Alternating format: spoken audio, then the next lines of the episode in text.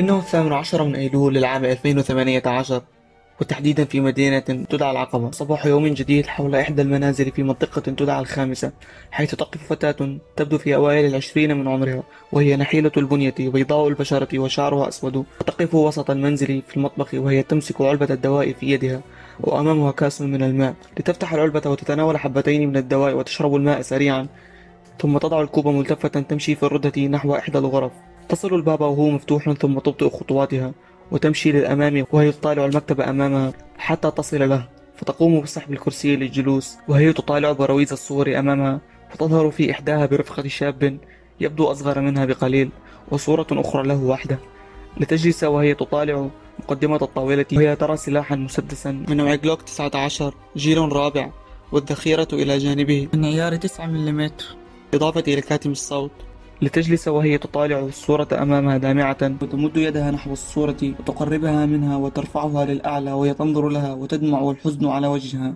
لتبدأ بالبكاء وتقوم بمسح عيونها بيدها اليسرى لتذهب عينها على المسدس على الطاولة أثناء نظرها إلى الصورة وتمد يدها اليسرى التي مسحت فيها دموعها نحو السلاح وترفعه. لتضع الصورة جانبا وتقوم بمسك الذخيرة ووضعها بالسلاح وهي تمسكه بيديها الاثنتين وهما ترتجان وترفعه للأعلى على مستوى رقبتها.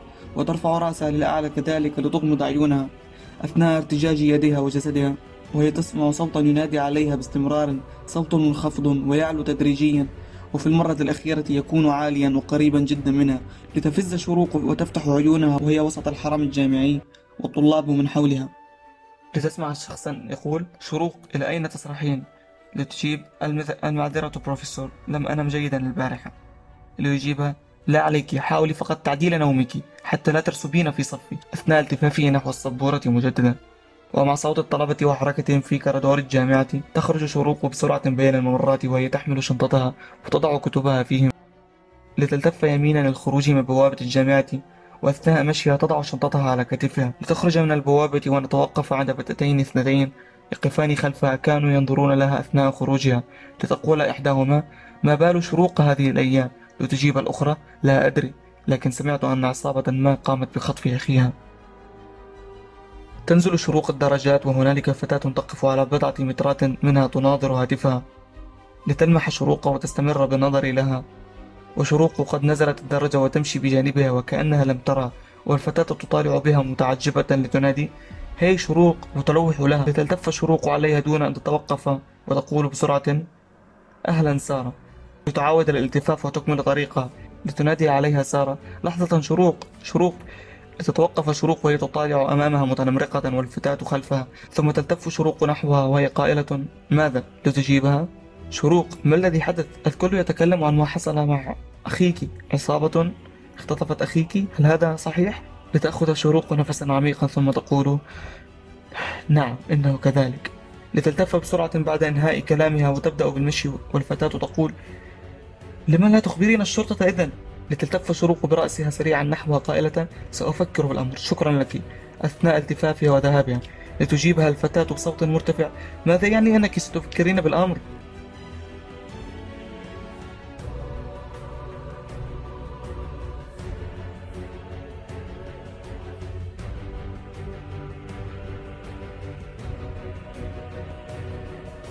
تمشي شروق على الرصيف وهي تحمل شنطتها على كتفها. عائدة إلى البيت ويديها في جيوبها وتناظر للأمام. وعندما تقترب من نهاية الرصيف تلتفت إلى شمالها وهي ترى رجلا مقنعا غريب الشكل متكئا على الحائط. يطالع هاتفه وتنظر له متعجبة لتصفن به ثم يرفع رأسه عن الهاتف وينظر لها سريعا. لتدير وجهها سريعا وتكمل المشي وتشد على يديها في جيب معطفها. ليصدر هاتفها صوت إشعار لتطاله سريعا وتقوم بفتحه وهي تنظر له ثم تبدأ في الكتابة قائلة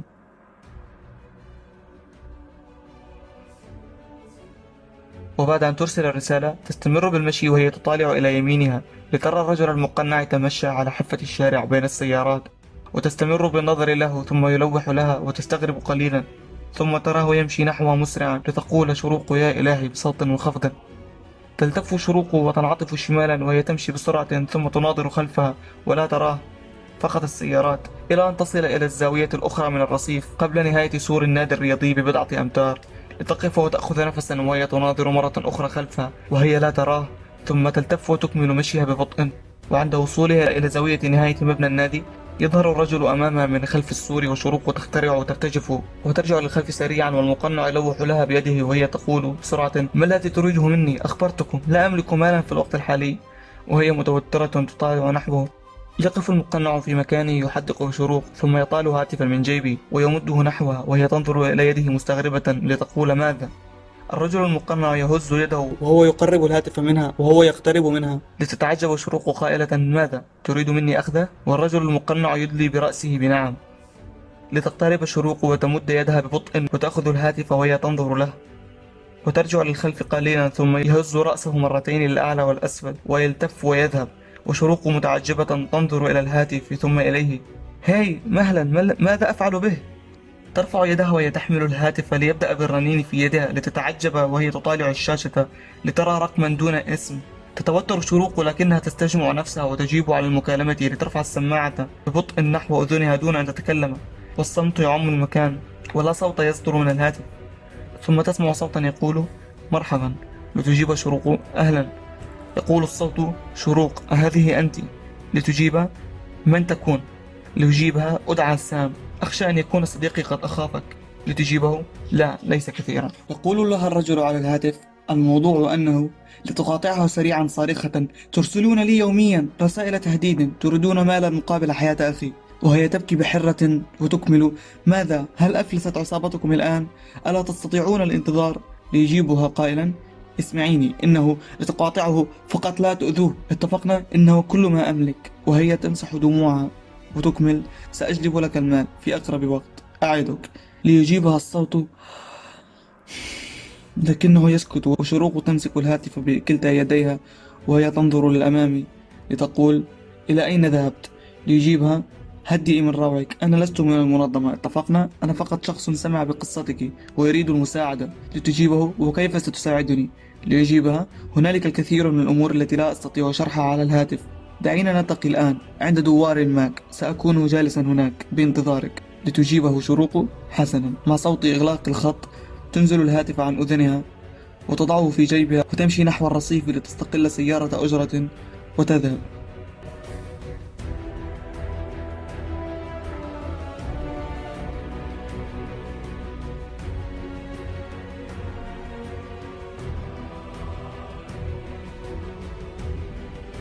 تنزل شروق من السيارة وتغلق الباب وتقطع الشارع نحو الدوار وهي تلتفت من حولها وتصل إلى منتصف الدوار وأثناء تلفتها ترى رجلا ذو شكل غريب يرتدي نظارة شمسية ويستمع إلى الموسيقى وبيده بعض المقربشات يجلس وحده على الكرسي وتمشي نحوه وتجلس بجانبه وهي تنظر للأمام وتضع شنطتها على الأرض وتلتفت له وتقول مرحبا. الرجل لا يسمعها وهو ينظر إلى الأمام ليستمع إلى صوت خارجي ما يتضارب مع صوت الموسيقى ويقوم بإزاحة السماعة وهو يناظر إلى شروق باستغراب ثم يقول أهلا. لتجيب شروق إذا أخبرني ماذا تعرف عن أخي؟ ليجيبها الرجل عفوا. لتقول شروق ما بك؟ ألم تخبرني أن نلتقي هنا؟ ليقول الرجل ما خطب هذه المدينة؟ ليقف متضايقا وأثناء وقوفه وحمل الكيس الذي معه والمشي يجلس رجل في الكرسي المقابل يناظر نحوه تلمحه وهو يلوح لها لتقول شروق يا للإحراج وهي تناظر ناحية سام لتقف وتحمل حقيبتها ثم تمشي نحوه وتقف أمامه وتقول أنت سام. ليرفع رأسه نحوها وهو مبتسم ابتسامة عريضة قائلا نعم أنا. اجلسي ملوحا بيده تجاه المكان الفارغ إلى جانبه. تجلس شروق وتضع الحقيبة أرضا وهي تقول إذا أخبرني. ليقاطعها أنا لا أعلم مكان أخيك بالتحديد. لكنني أتتبع هذه المنظمة منذ أكثر من 25 عاما. إنها ليست مجرد عصابة كما تظنين لتجيب شروق. أتعلم أين هو مكانهم؟ ليجيبها. ليس لهم مكان محدد. إنهم في كل مكان ودائما ما يغيرون مقرهم الرئيسي ومعه المحتجزون. لتقول شروق لماذا يقومون باختطاف الشباب؟ ليجيبها سام لأنه عندما يقرر شخص ما الانضمام لهم يتم إخباره قبلها أنه لا يستطيع تركهم أبدا. لكن معظم الشباب والفتيات وحتى الرجال والنساء الذين يلتحقون بهم لا يدركون سوء الأمر ويقولون لا بأس هم يدفعون رواتب مغرية وبعد أن يبدأ العمل الحقيقي لا أحد لا أحد يستطيع أن يكمل. لتجيب شروق أي نوع من الأعمال هذا؟ قتل تعذيب سرقة؟ ليجيبها سام لن تودي أن تعرفي. وشروق تصفن به وهو يقول على أي حال يبدو أن أخيك أحد ضحايا هذه المنظمة. لو كنت شابا بالطبع سأفضل المال الطائل على الذهاب إلى المدرسة. لكني لم أكن لتقول شروق وما هو الحل كيف سأنقذه منهم؟ ليجيب سام هل تريدين إنقاذ أخيك حقا؟ لتجيب شروق بالطبع. يقول سام هل أنت مستعدة للقتال من أجل ذلك؟ أو القتل إن اضطررت لتسرح شروق به ثم تنظر للناحية الأخرى وهي تصفن قائلة نعم نعم أي شيء أثناء التفاتها نحو سام. ليقول سام كما أخبرتك لقد تتبعت هذه المنظمة لأكثر من 25 عاما لعينة ومن خلال هذه الفترة علمت أنها تمتلك عشرة مقرات تحت أسماء وهمية كمصنع للسكر مثلا أو شركات للمقاولة أو لتعبئة المياه. ثم يهدأ وهو يقول هل تعلمين عدد الجثث في مثل هذه الأماكن؟ تجيب شروق كلا ولا يهمني. ما يهمني حقا هو هل أستطيع أن أثق بك؟ وهي تطالع به أعني لما قد يهتم شخص مثلك بمساعدتي ليجيبها سام؟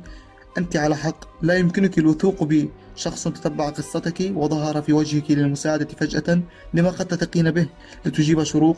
لم أقصد لكن يقاطعها ليكن في علمك صغيرتي. لقد فقدت أسرتي بسبب هذه المنظمة وقضيت هذه السنين أتتبعها للعثور على الشخص الذي تسبب بالأمر إنه من إحدى قادة هذه المنظمة. كل هذا الوقت أنتظر هذا اليوم القريب.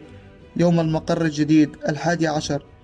دون وجود حراسة مشددة نقضي عليه وننقذ أخيك وننتهي. لتجيب شروق وأليس هذا خطرا؟ أعني. كيف سأواجه أناسا مسلحين إن اضطررت ليجيب سام. ستفعلين الكثير. ألم تخبريني أنك مستعدة للقتال من أجل أخيك؟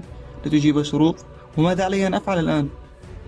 يرج هاتفها وسام ينظر لها وهو مبتسم وتطاله وهو يقول أرسلت لك موقع المكان الذي ستجدين به شيئا يخصك. تقول شروق ولم لم تحضره معك؟ أثناء نظرها للهاتف ثم له يقترب منها ومن أذنها وهو يقول بصوت منخفض إنه شيء لا يمكن حمله إلى أي مكان. ليقف وهي تنظر إليه ويضع طاقيته ويلتف ويذهب. وهي تستمع إلى صوت زامور عال وشروق تلتفت ناحيته وتنظر أمامها وتراه. يمشي نحو سيارة تنتظره عند الدوار والسائق ينظر ناحيتها وهو نفسه صاحب القناع. يركب سام وتذهب السيارة. وشروق تطالع نحو هاتفها ثم تقول إنه قريب جدا من هنا. لتقف وتحمل حقيبتها وهي تمسك الهاتف ثم تمشي إلى الأمام.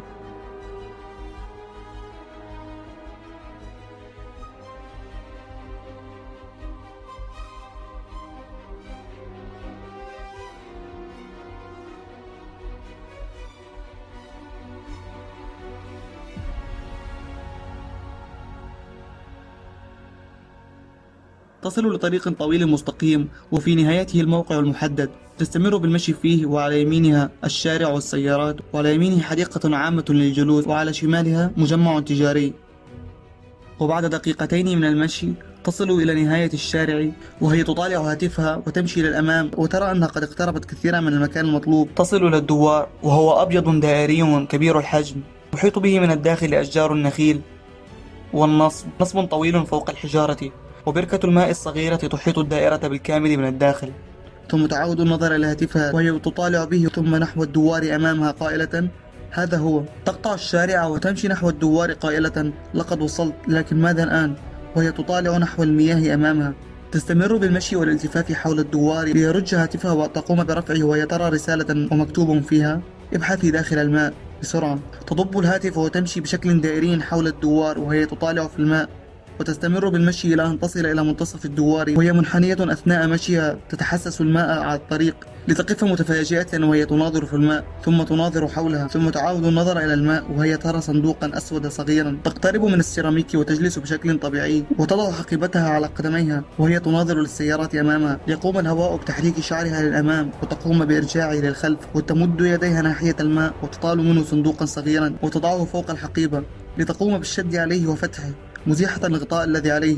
تصدم تدريجيا وهي تناظر داخل الظرف وتناظر يمينا وشمالا سريعا. وهي تطالع داخل الظرف وترى مسدسا وعلى يمينه كاتم للصوت. تمد يدها وتضعها داخل الظرف وتطال المسدس على مستوى متدنن ويدها ترتج ثم تطال الكاتم بيدها الأخرى. وتحاول تركيب الكاتم على الفوهة لتتفاجأ من أنه قد التصق بالفعل. لتمسك السلاح بكلتا أيديها. وهما تهتزان وجسدها يهتز. تمسك السلاح وترفعه للأعلى. وهي ترفع رأسها للأعلى كذلك. مغمضة عينيها. والفوهة قريبة من رقبتها. ومع اهتزاز جسدها لتستمر وجسدها بالاهتزاز إلى أن تفتح عينيها. وهي جالسة على المكتب في الغرفة في بيتها. لتنزل رأسها للأسفل ومعه السلاح.